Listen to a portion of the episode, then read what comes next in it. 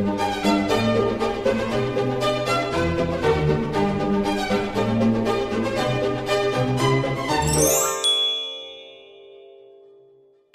och välkomna till Kungligt Med Jenny Alexandersson. och Sara Eriksson. Och eh, när vi spelar in veckans avsnitt, ja men då är det bara några dagar kvar tills vår kronprinsessa fyller 43 år. Och det här firandet som vi har pratat om flera gånger i podden, Eh, det ser lite annorlunda ut i år på grund av corona. Ehm, man kommer ju inte fira traditionsenligt på Soliden som man har gjort. Det går ju inte att samla så många människor som läget är nu. Och eh, den här festkonserten som brukar vara på kvällen, den kommer firas eller spelas in utan publik i Slottsruinen. Ja, det blir helt eh, klart ett annat typ av firande, men kul att det är någonting som genomförs i alla fall och att vi kommer kunna ta del av det här via tv. Och eh, vi tänkte att vi ska tillägna dagens avsnitt till vår kronprinsessa, just för att hon fyller år. Prata om vem hon är, hur hennes uppväxt sett ut och vad det egentligen är som gör vår framtida drottning så himla populär. För populär är hon, det ser man i varenda mätning som har gjorts senaste åren. Men eh, vem är hon som sagt? Och Sara, ditt allra första minne av kronprinsessan Victoria, vad är det? Ja, men bortsett då från min farmors alla Svensk Damtidningar som man har bläddrat likt barnböcker i som liten så var det nog faktiskt när den här barnkaraktären, du vet Björne från eh, Björnes magasin gästade Victoria på slottet. Kommer du ihåg det Jenny? Jajamän. Yes. Vad kan det vara? Är det 25 år sedan kanske? Ja, det är 20 nog något år? sånt. Det är i alla fall länge sedan. Så det är ett sånt första minne jag har av vår kron kronprinsessa. Men eh, mitt första möte med kronprinsessan det var ju då i samband med hennes födelsedag på Soliden. Och eh, där är det ju väldigt många som vill prata med eh, Victoria, såväl journalister som besökare. Men trots den här långa tiden som man ändå går runt och tar sig tid för alla så, så ger hon även oss journalister tid till att få ställa några frågor till henne, även om, det är ett kort samtal oftast. Men jag hann gratulera henne på födelsedagen, ta henne i hand och eh, fråga hur hon firat dagen och hur hon upplevt födelsedagen. Sa Men det- hon någonting om hur hon hade firat då? Ja, men hon berättade ju som så här att familjen var att hon hade fått uppvaktning på morgonen med sång och teckningar. Och eh, att familjen hade sjungit för henne och sen att hon var väldigt glad att det återigen var så många på plats på Soliden. Men eh, det var ju väldigt stort att liksom få träffa kronprinsessan på riktigt för första gången. Eh, så det är verkligen ett sånt minne jag bär med mig. Hur, eh, vad, liksom, vad är ditt första minne Jenny? Oj, eh, allra första gången jag träffade henne det var faktiskt i Riyadh i Saudiarabien och det var 2004. Herregud, det känns ju som att det var, en, det var väldigt länge sedan. Det, är några år. Ja, jag hade rest dit med en fotograf som heter Charles Hammarsten och vi skulle göra ett reportage för Svensk Damtidning som jag jobbade för då. Och jag kommer ihåg att det var, ju- det var en lång resa dit och första dagen då så var vi lite mosiga och eh, man hade snabbt fått lägga upp sina grejer på rummet och så skulle då alla i den här näringslivsdelegationen som var med på resan och skulle träffas i ett stort konferensrum tillsammans med eh, kronprinsessan. Och det var mest män som var med, ett fåtal kvinnor bara. Och eh, alla bar ju abaya. Det är ju sånt, du vet ju hur de ser ut Sara, det är så här Ja. stort svart tältliknande plagg. Och det täcker verkligen kroppen från halsen ner till fötterna. Mm. Eh, och jag hade fått låna en sån av hotellet vi bodde på tills jag kunde gå och köpa en egen. Så man känner sig lite så här awkward när man kliver Ja, runt men i det det är där ju liksom tältet. ingen vanlig klädsel eh, för en Nej. själv så. Så det måste vara ganska ovanligt. Täcker inte den också ganska mycket av ansiktet? Eh, nej, alltså det räckte att det, abayan är liksom, det är själva typ klänningen om du förstår vad jag menar. Och sen Mm. hade vi då sjalar över huvudet. Eh, men inte inomhus på det här hotellet, utan det var mest när vi rörde oss utomhus. Men eh, vi stod i det där konferensrummet i alla fall, så det enda jag såg var män, svartklädda, kostymklädda män. Eh, och så Charles stod och pratade med kronprinsessans hovmarskalk Elisabeth Harras Wahlberg, för de känner varandra sedan gammalt. Och så knuffade hon, han, han knuffade liksom till mig lite så här vänskapligt i sidan. Eh, och jag såg inte, men snett bakom Elisabeth så stod då kronprinsessan Victoria. Jaha. Och jag kände, jag kände verkligen inte igen henne. Därför att när hon då bar den här svarta långa tältklänningen så var det som att hon blev lite så här avroyaliserad. Jag såg ju, jag såg ju hennes ansikte liksom till slut. och då har hon ju ändå Sveriges mest fotograferade ansikte kan man ju säga. Ja, minst sagt. Men hon var i det här svarta tältet så var det liksom en person helt utan kungliga attribut. Men det jag verkligen minns av det första mötet det var att hon log så himla stort och hon hade verkligen glimten i ögat för att hon såg ju att jag inte riktigt kände igen henne. Och det verkade hon tycka var ganska roligt.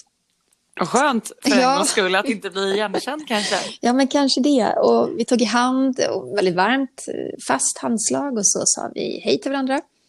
Och jag var ju där för en intervju i Saudiarabien, men jag var ju inte alls garanterad att, att få någon sån. Men så blev det till slut i alla fall, för att eh, innan resan var helt avslutad då hade vi möjlighet att sitta ner och prata en ganska lång stund. Och eh, det, det var jättehärligt. Det var innan hon blev sådär supermedietränad, så att jag kommer fortfarande ihåg det samtalet. Det var Lite mer avslappnat eller? Ja, Ja. väldigt avslappnat. Måste bara säga så här, hur mycket älskar man inte ordet avroyaliserad? Som du precis Ja. slängde det med. Ja. Men det blev så. Jag menar, när vi ser henne här i Sverige så är hon ant- antingen uppklädd på något officiellt event eller skulle man stöta ihop, henne, äh, stöta ihop med henne liksom någonstans så känner man ändå igen henne som hon brukar vara klädd eller rör sig och sådär. Men Håret, allting håret, liksom. Ja. allting. Men där syntes ju ingenting sånt. Så hon var plötsligt bara, bara människa. Liksom. En av alla. En av alla. Mm. Mm. Men jag tycker att vi tar allt det här ifrån början och liksom spolar tillbaka tiden till torsdagen den 14 juli 1977. Det gör vi. Och det är ju nästan på pricken ett år efter att kungen och drottningen har gift sig och det stora bröllopet. Eh, det var nämligen så att det var dags för drottningen att lämna Kungliga slottet för att åka in till eh, Karolinska och föda barn. Mm.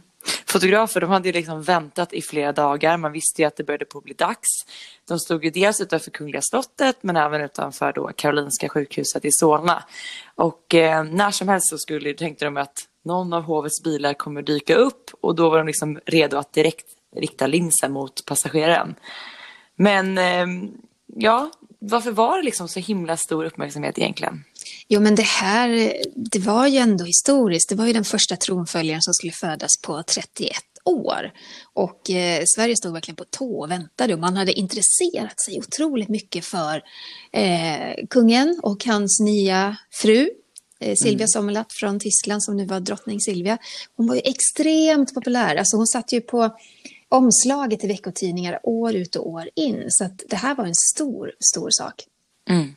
Men hon lyckades ändå ta sig in på sjukhuset utan att bli upptäckt. För hon hade ju faktiskt tagit på sig en peruk och eh, chauffören då körde ju in till förlossningsavdelningen från baksidan då via en kulvert. De här kulvertarna har vi pratat om tidigare att de finns lite här och var för att de ju ska kunna smita förbi fotografer och allmänheten. Och eh, Silvia anlände då tillsammans med sin mamma Alice Sommerlath och eh, de lotsade in drottningen i ett rum som ställs i ordning för henne.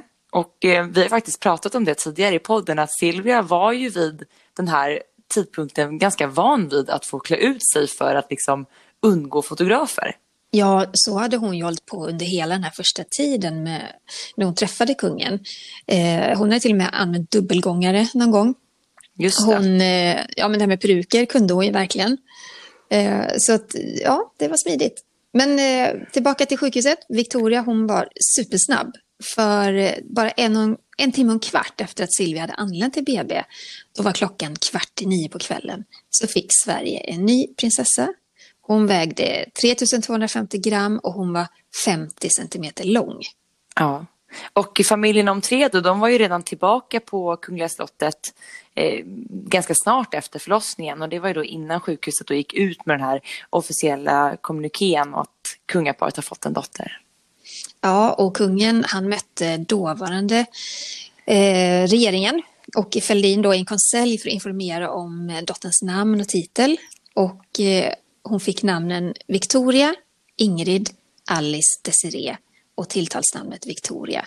Hertiginna av Västergötland och prinsessa av Sverige.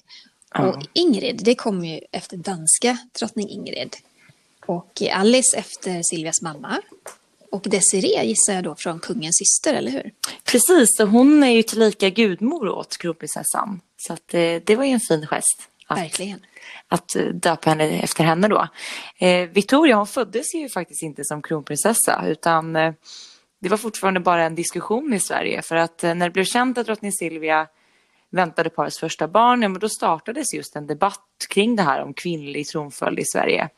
Tittade man då på grannländerna, England, Danmark och Nederländerna så fanns det då ja, men regerande, regerande drottningar, men de hade inte blivit det om de haft bröder, utan i Sverige började man då diskutera att man ville skapa en mer modern tronföljd och eh, att den här kanske något gammelmodiga traditionen om manlig tronföljd, den började allt mer vara ifrågasatt i hela landet.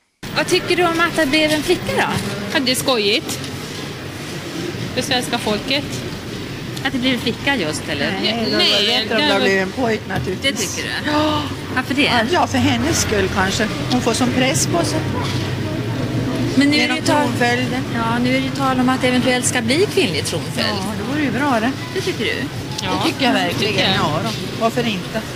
Ja, för att ändra grundlagen och införa en jämställd kognatisk, som det heter, tronföljd, eh, då krävdes ett val mellan besluten i riksdagen.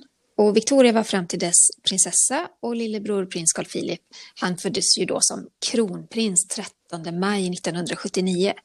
Och den nya lagen den trädde i kraft den 1 januari 1980 och i och med det så blev då Victoria kronprinsessa av Sverige. Ja. Och där och då så påverkades ju inte Victoria särskilt mycket av det här beslutet. Men det kom ju givetvis att styra om hela hennes framtid. Det är bara att titta på hur det, hur det ser ut nu. Att eh, det kunde lika gärna varit så att det var prins Carl Philips familj som levde i, i Victorias sits och att det var kronprinsessans barn som nu inte längre utgör en del av det kungliga huset och så vidare. Ja, jag vet att eh, det pratas mycket om det att, att framförallt kungen var lite missnöjd med att man direkt då eh, sjösatte den här lagen. Han menade på att det kunde liksom starta vid nästa generation som man hade gjort i vissa andra länder. Mm. Men eh, alltså jag tror ändå att det blev det allra bästa ändå. För att om man tittar på mm, prins Carl Philip som absolut inte eh, är lika intresserad av att stå i rampljuset som sin stora syster så kanske det ändå är tur att det blev just Victoria som fick ta det här ansvaret. Mm. Ja, och Victoria bodde ju tillsammans med familjen i en privat våning på Kungliga slottet. Men, ja, men man kan ju tänka sig den här trafiken utanför, trista borggården. Det var ju inte så här jätterolig miljö för, för ett litet barn. Eh, det fanns ju visserligen en sandlåda vid Logården men barnflickorna de fick ju kämpa och köra ut Victoria till kompisar och så här, natur och lekplatser för att liksom få en ja, men distans till det här stadslivet. Och kungaparet de hade ju sneglat väldigt mycket på Drottningholms slott. Det ligger ju i Ekerö kommun på vackra Lovön. Och de tog ju till slut beslutet att nej, men vi, vi bosätter oss där. Det får bli vår privatbostad. Så 1981 gick flytten. Och du, som jag sa, har ju varit en del på Drottningholm och det är ju otroligt vackert. Alltså det finns ju parker, skogsområden, vackra trädgårdar, nära till vatten, allting finns ju där. Det är verkligen en sån oas fast det ändå är så nära stan. För det tar inte så lång tid att åka bil ut dit. Eh, men jag kan tänka mig kontrasten mot att bo lite mer inne i betongen då i Stockholm och sen få flytta ut till den här natursköna platsen. Det måste ha betytt mycket under uppväxten. Ja, jag minns att eh, Victoria berättade ju i samband med årets nationaldagsfirande hur hon då mindes att hon lekte på Logården och i den här sandlådan. Just det. Eh, men livet för en småbarnsfamilj är ju väldigt mycket bättre eh, på Drottningholm. Så de hade möjligheten och de tog den kan man säga. Och det är också mm. ett väldigt magnifikt slott. Alltså det är ju så vackert. Ja, ja men verkligen. Men under uppväxten så hade ju Victoria ett eh, smeknamn. Hon kallades ju för Oja när hon var liten. Och det har hon själv berättat att det kom från eh, prins Carl Philip då som kallade henne för Toja istället för Victoria. Så att det blev någon form av förkortning på Toja. Mm. Det är ett gulligt namn. Jättegulligt och det hänger ju kvar. Många av de där smeknamnen gör ju det. Ja men precis, man får leva med dem hela livet sen. Ja, och kungaparet de inspirerades mycket av Harald och Sonja, eh, norska kungaparet. För de lät ju sina barn, kronprins Håkon och prinsessa Märta Louise, gå i vanliga skolor, alltså i kommunala skolor. Och eh, det ledde till att eh, Victoria och hennes småsyskon, de gick i lågstadiet vid Smedslättskolan och mellanstadiet i Ålstensskolan i Bromma. Och det är ju, det är ju nära till Drottningholm, så det var ju smidigt. Mm. Eh, sen tog man ett annat val då, att börja, alltså gymnasiet gick hon vid Enskilda gymnasiet. Eh, det är mer av en eh, friskola eller privatskola får man väl säga. Och där tog hon studenten 1996. Mm. Och där hade de ju också specialhjälp för kronprinsessan dyslexi. Så hon började i skolan en halvtimme före alla andra för att läsa eller liksom plugga in saker så att hon skulle få liksom kunna hänga med i samma tempo som kompisarna. Men man kan ju tänka sig att det här valet angående skolan, att det i mångt och mycket har format såväl kronprinsessan som hennes syskon. Eh, det var ju verkligen att sätta sig i ett helt annat, men, en vanlig klass bland liksom, så att säga vanliga barn. Det tror jag är jätte, jättebra och jätteviktigt. Och Carl Philip gick ju också i scouterna när han var liten. Jag vet inte om Victoria gjorde det någonting, men, men där vet jag, jag har en, en bekant som gick i samma scoutpatrull som Carl Philip när de var små. Och där var det verkligen så att eh, han var precis som alla andra ungar. Och blev det bråk eller kontroverser, ja visst, Säpo och livvakter stod där, men de, de lät ju honom få vara pojke och vara precis som alla andra. Så att jag tror att det där, just att gå i en skola eller i så här fritidsaktiviteter med helt vanliga kids, det tror jag är lysande helt enkelt. Det kanske också är det som har gjort att vår, vår kronprinsessa, samtidigt som hon känns så majestätisk, så är hon ju också väldigt så här mänsklig på något sätt. Och det kanske är mycket de här mötena och den här uppväxten som har format henne till det. Ja, för om, om man ser på andra kungligheter som har gått mer, som blivit hemskolade, det är ofta tidigare generationer, mm. eller som gått bara i privatskolor. Ja, alltså då, då formar de ju en bekantskapskrets som är lite homogen, så att säga. Det är inte mm. alltid så bra. Det tror Nej. jag inte. Och det vet den här intervjun då från när Victoria är 15 år gammal. Hon säger ju bland annat det att hon har väldigt många kompisar och då ställer så här, den som intervjuar ställer frågan så här. Tycker att det är svårt att få kompisar just för att du är kronprinsessa? Och då svarar hon direkt att nej, det här är helt vanliga människor och vi, vi liksom vänner med varandra för att vi tycker om varandra och ingenting annat. Så det känns mm. som att mm. det var en ganska ja, men, lättsam plats att, att ändå gå i skolan i. Sen tror jag i och för sig att eh, hennes allra bästa vänner, de som hon fortfarande står väldigt nära just nu, de kommer nog från, e- eller de kommer från enskilda gymnasiet. Mm. Eh, och där var det väl också ett visst klientel som, som gick liksom. Men, men åren ändå påverkade henne ganska mycket. Ja. Men under hela Victorias uppväxt så var ju kungaparet eh, ute mycket på jobb. De reste väldigt mycket såklart.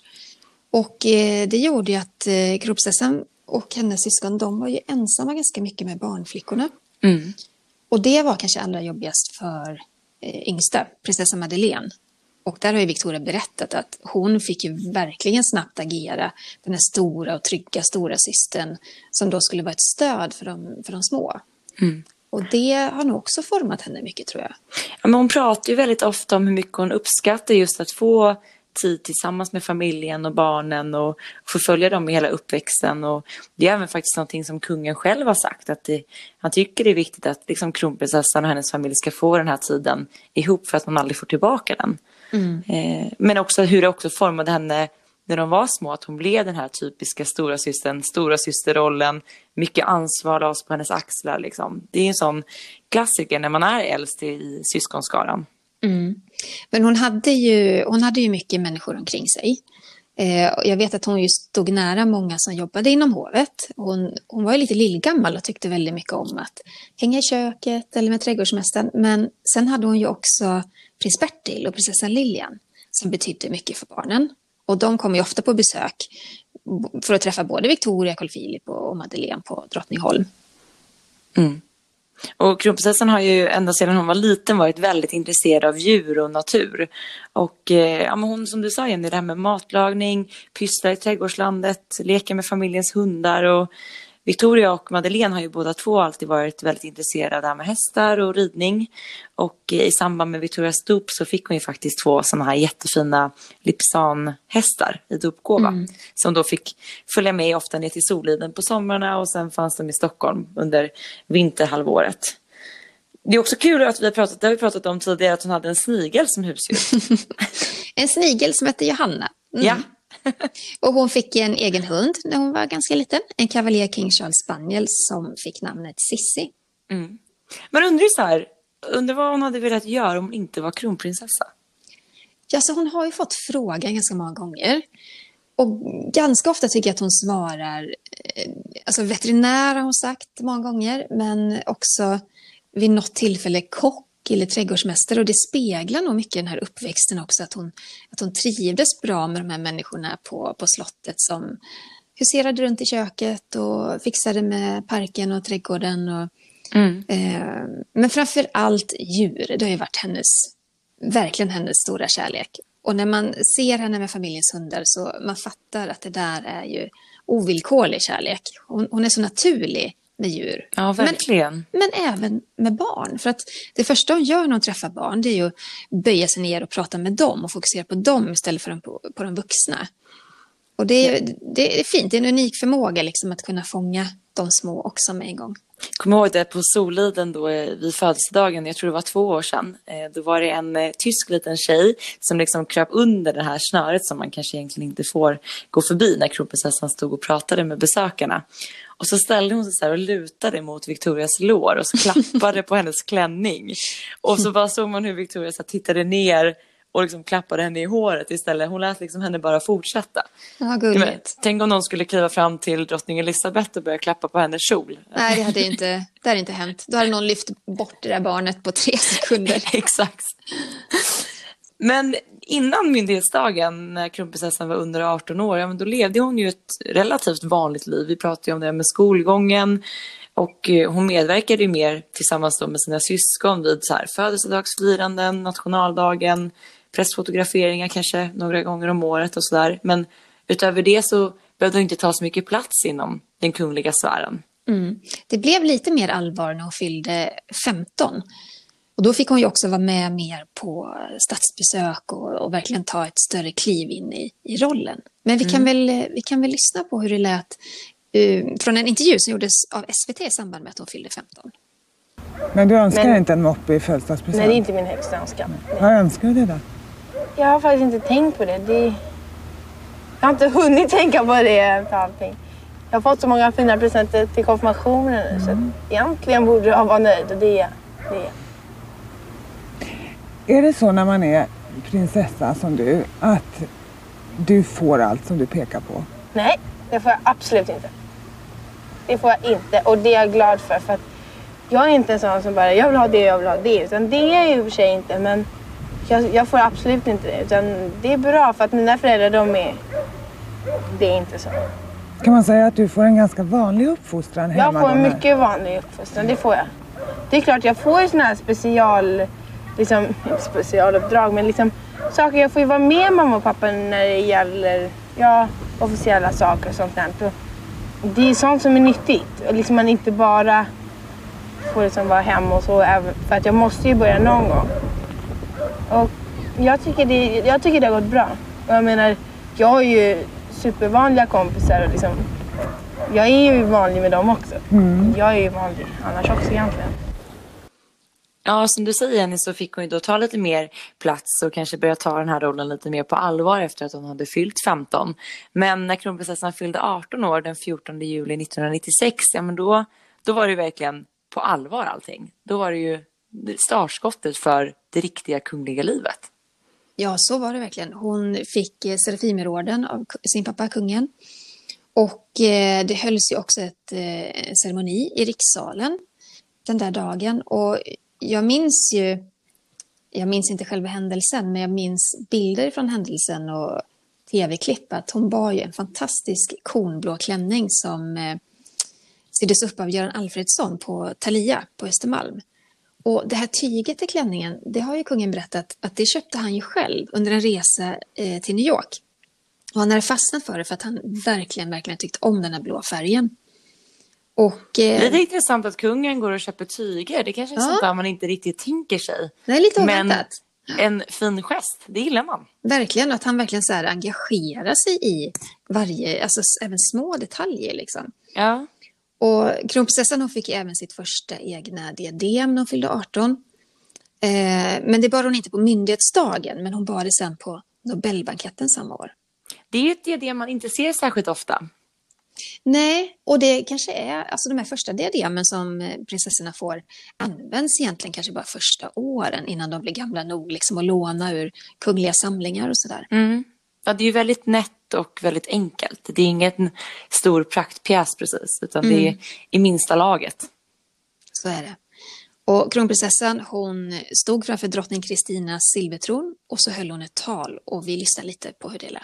Myndighetsdagen innebär en stor förändring för alla när det gäller att ta ett personligt ansvar för sina handlingar och för sin framtid. För mig tillkommer som kronprinsessa att jag nu i större utsträckning får dela de uppgifter som konungen har samt hjälpa konungen och drottningen i deras viktiga arbete för Sverige.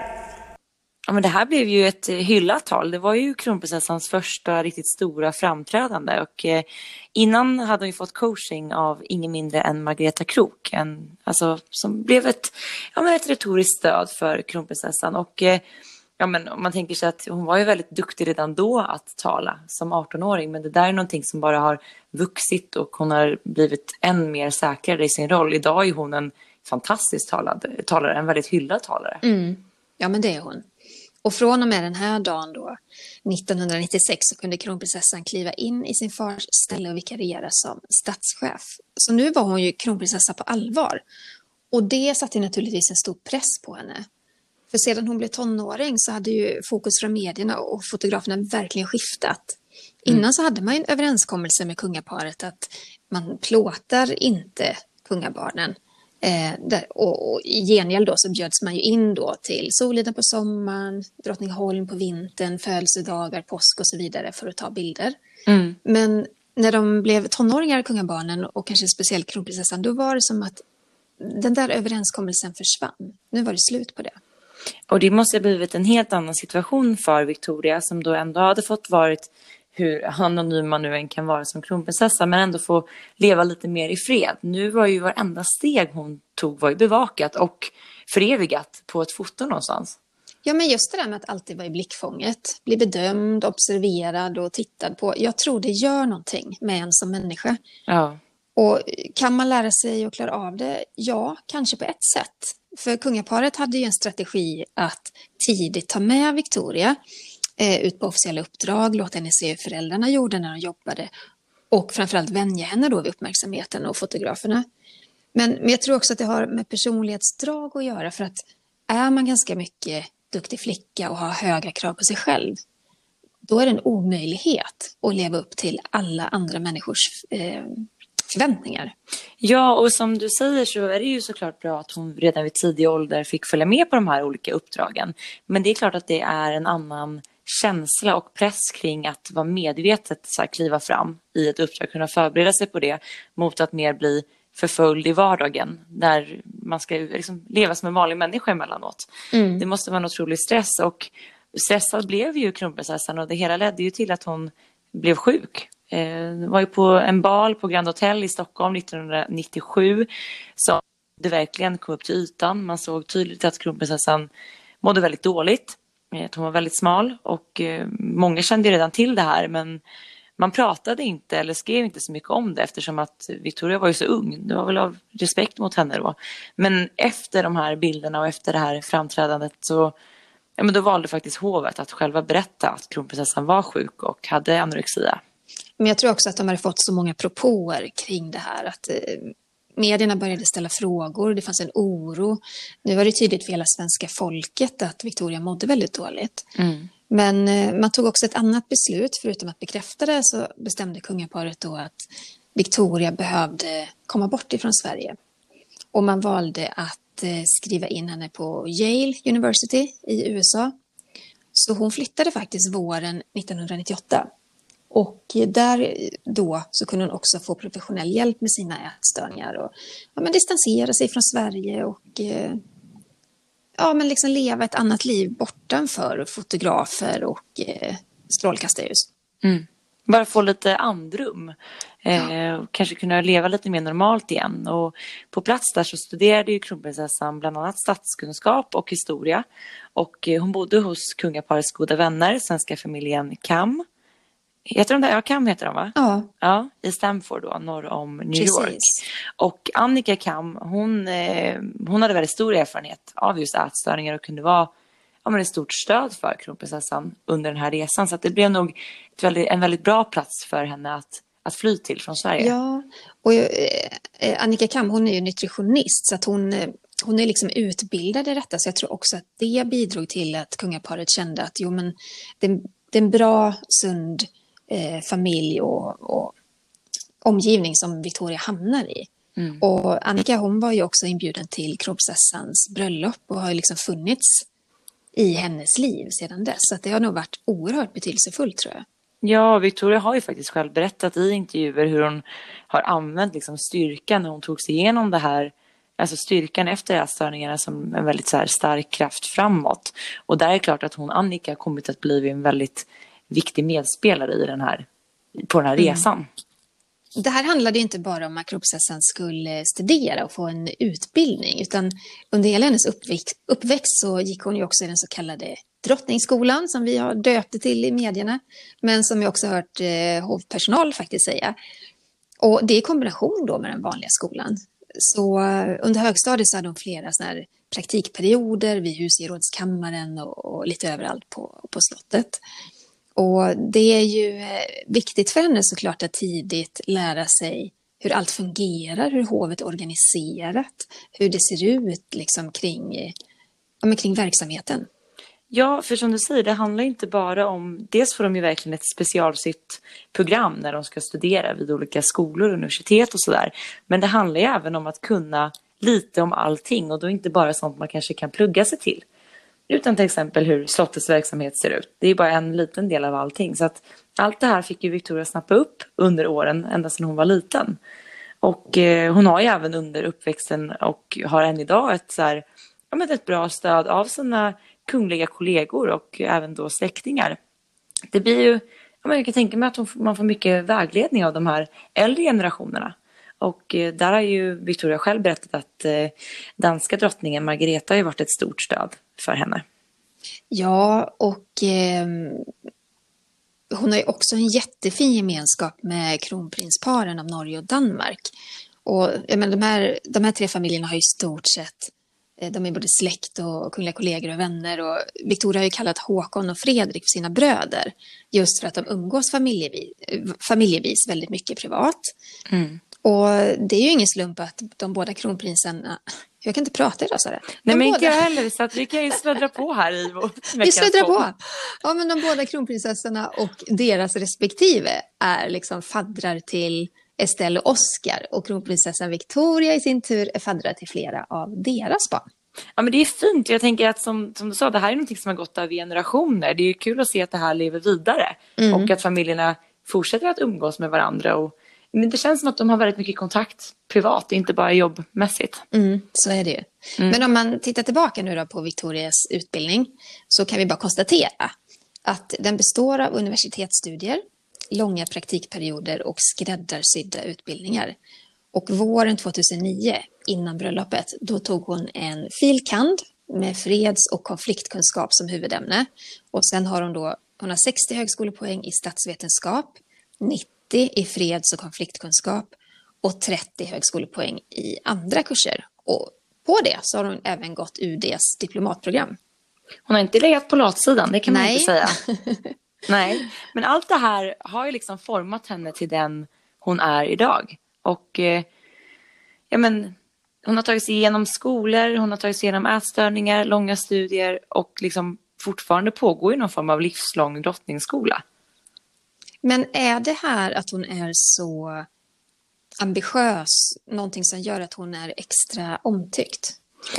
Ja, men det tror jag verkligen. För det känns som att hennes, hon är en väldigt så här, intresserad person. Det känns som att det spelar ingen roll vilket typ av uppdrag hon ska på. Hon är ju otroligt påläst i allt hon gör. Och hon är det inte för att hon måste utan för att hon vill.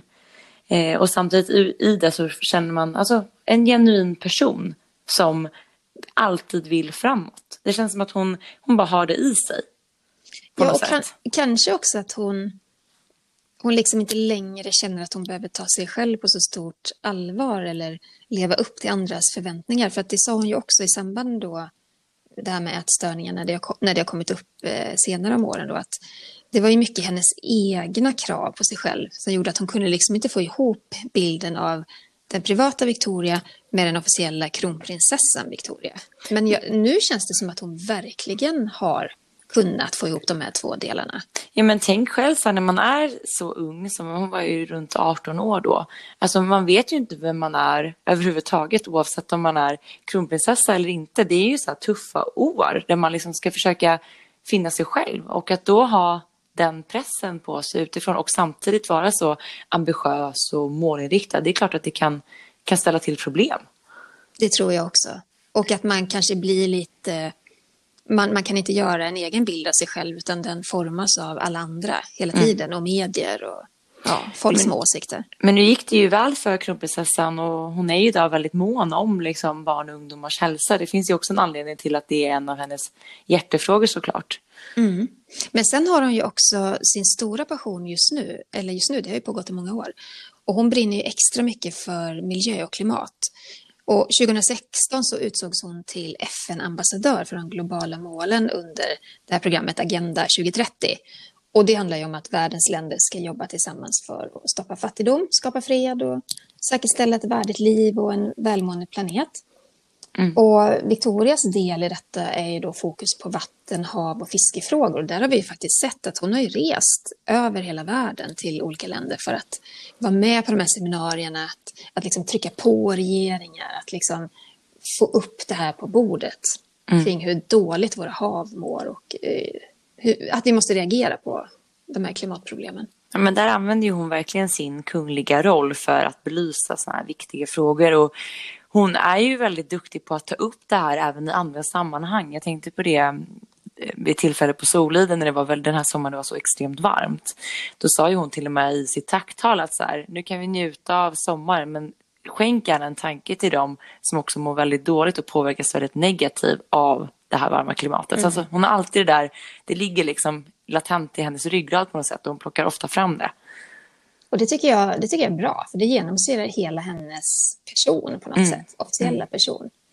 Eh, men vi ska inte heller glömma bort, två steg bakom kronprinsessan står ju även prins Daniel. För han Ja. har ju varit ett jättestort stöd till henne. Eh, och alla kan den här historien, men prinsessa Madeleine rekommenderade Victoria att börja träna på master training när hon kom hem från USA. Och det var ju ett exklusivt gym som Daniel Westling, som han hette då, hade tagit över tillsammans med en vän och kollega. Så han blev kronprinsessans personliga tränare. Och eh, det var ju fantastiskt för henne, tänker jag, att kunna träna i fred och lugn och ro på det här gymmet då. Ja, men sen också kanske få en mer sund relation till sin kropp och träning som ett ytterligare då steg i den här resan till att må bra igen. Och eh, det växte fram kärlek. De var vänner först. Eh, sen blev de ett par. Och det är Victoria som tar initiativet då första gången att de ska träffas utanför gymmet. Eh, och då får vi vänta i sju år på att förlova sig. Mm, lång tid. Det är lång tid. Men när hovet väl bjöd in då till det här pressmötet på Kungliga slottet, ja men då, det var liksom inget snack om saken. Man kunde verkligen se hur förälskade och sammansvetsade de var. Ja, men det blev ju en kärleksfest utan dess like. Vi lyssnar. Och det är med glädje vi ser fram emot vårt liv tillsammans. Ett liv som för mig kommer handla till stor del om att vara ett stöd för kronprinsessan i hennes viktiga uppdrag för Sverige. Sen hoppas jag att jag ska förtjäna svenska folkets förtroende. Ja, och vi kan ju prata hur mycket som helst om det här bröllopet och det har vi faktiskt gjort. Så att vill du som lyssnar höra alla detaljer och eh, om det här sprakande kronprinsessbröllopet, ja men då tycker jag att ni ska lyssna på avsnittet Kronprinsessparet 10 år som gifta. Det är en hel timme om bara bröllopshärligheter. Ja, missa inte det. Och två år efter bröllopet så föddes ju prinsessan Estelle och fyra år senare så föddes prins Oscar. Och nu bor ju hela familjen på Haga slott tillsammans. Och eh, nu är det prinsessan Estelle som åttaåring som går i den här eh, drottningsskolan för att förbereda sig för framtiden. Mm. Och där tänker jag att det blir en väldigt, eller det uppfattar man ganska ofta när man ser familjen ihop, den här balansen mellan Victorias eh, liksom från den kungliga världen och sen Daniel från den här vanliga världen. För att då försöka forma Estelle till vad hon, vad hon ska bli så att säga. Ja, men det blir ju extra tydligt i en intervju som gjordes inför kronprinsessans 40-årsdag. Vi, vi lyssnar hur det lät. Och man har lager på lager av sådana här otroligt starka möten. Det skapar ju, det är ingen... Man blir en speciell person av det. Prinsen blir rörd. Varför det nu?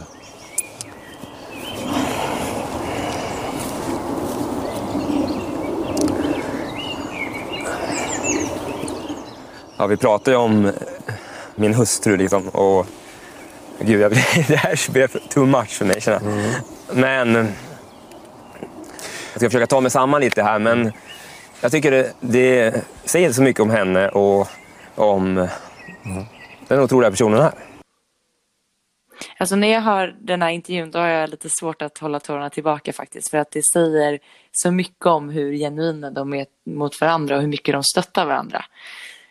Eh, Daniel ser verkligen upp till sin, sin hustru. Det är väldigt fint. Mm, ja, men det är det. Det är det verkligen.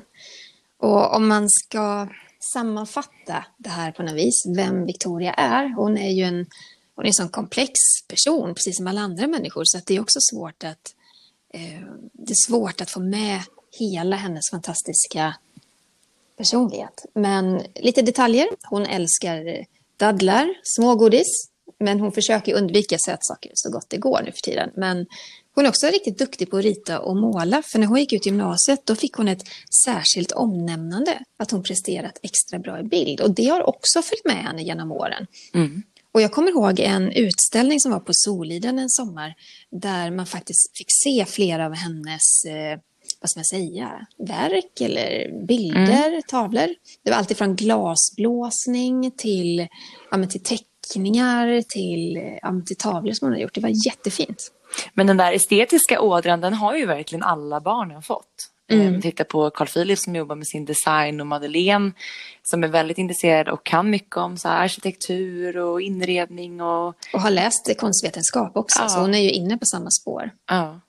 Och eh, kronprinsessan älskar ju Roxette. De spelade ju dels på deras bröllop och eh, hon har varit på deras konserter flera gånger och eh, kronprinsessan är ju faktiskt också väldigt duktig på att dansa. Ja, jag såg henne under en resa i Brasilien som vi gjorde. Så var det några dansare som uppträdde som försökte få upp henne på scenen. Eh, Det ville hon inte riktigt, men hon kunde liksom verkligen ta lite danssteg vid sidan av. Och hon, hon är jätteduktig, verkligen. Det är hon. Hon har lätt till det där. Mm. Mm. Men hon Sen- är också väldigt svårt att ta komplimanger vår kronprinsessa och beröm. Ja, mycket förr i alla fall. Då kunde hon nästan bli lite irriterad. Eh, Men det är väl också lite så typiskt duktig flicka att man, man inte riktigt kan ta till sig liksom att få beröm sådär. Sen tror jag kungen är väl lite likadan, att han gillar inte heller när folk kommer och fjäskar eller berömmer och sådär, utan de kanske är lite samma skrot och korn, att de vill ha raka rör och inte, inte massa Lite lagom. Lite lagom, ja. Ja. Men något man kanske inte tänker så mycket på när man ser henne i hennes jobbroll, det är den här sportiga och lite killiga sidan. Och jag har berättat det förut i podden, men jag träffade på henne i Hagaparken när vi båda var på promenad med sällskap. Hon var med, med Daniel och eh, lilla Estelle låg i vagnen och jag var med min bästa vän och hennes lilla bebis. Och eh, hon, vi kände igen varandra och hon hade keps neddragen i pannan, jeans och sportjacka och hon är ju så skön för att i inofficiella sammanhang då är hon ju mer så här, ja men tjena tjena, hur är läget? Ja men Ja. som, som vem som helst och är det på ett väldigt eh, avslappnat sätt. Ja. ja, men liksom mänsklig på något sätt. Hon kunde varit vem som helst där i Hagaparken. Ja, Ja. så är det. Men man kan i alla fall säga så här att den dagen kronprinsessan blir drottning så kommer ju hon att vara mer än väl förberedd och kanske också en av de mest utbildade statscheferna i svensk historia. Ja, ja men verkligen. Och det kommer ju förhoppningsvis att dröja många år innan kronprinsessan tar över den här rollen som Sveriges statschef. Och ja, men precis som i Norge och Danmark, det finns ju ingen tradition av att eh, statschefen abdikerar. Det kommer inte kungen heller göra. Han är ju kung till den dag han dör. Ja, och han har också uttryckt sig som vi sa tidigare att han, han vill ju att kronprinsessan och hennes familj ska få så mycket tid med varandra som möjligt innan det då är dags att äntra den här än större rollen som Sveriges drottning. Så är det. Så är det. Och vi vill ju passa på att önska kronprinsessan ett riktigt stort grattis på födelsedagen. Mm. Eh, hon kommer att befinna sig på Soliden men firas på lite annorlunda sätt. Och eh, hon har ju faktiskt bara missat firandet två gånger. Eh, en gång i tonåren när hon befann sig i USA och såklart då 2010 när hon och Daniel var på sin bröllopsresa. Ja, och i år lär det bli ett firande att, eh, som inte glöms bort i första taget i och med att det blir så annorlunda och nytt. Men jag är övertygad om att eh, kungahuset kommer att vara generösa och ge oss bilder och kanske lite filmklipp för att vi ändå ska få den där känslan. Vi hoppas det.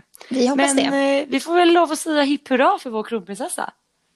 Absolut. Grattis! Och vi vill eh, även tacka er som har lyssnat och påminna er om att ni gärna får skicka in lyssnarfrågor till oss. Det har faktiskt kommit en fråga den här veckan.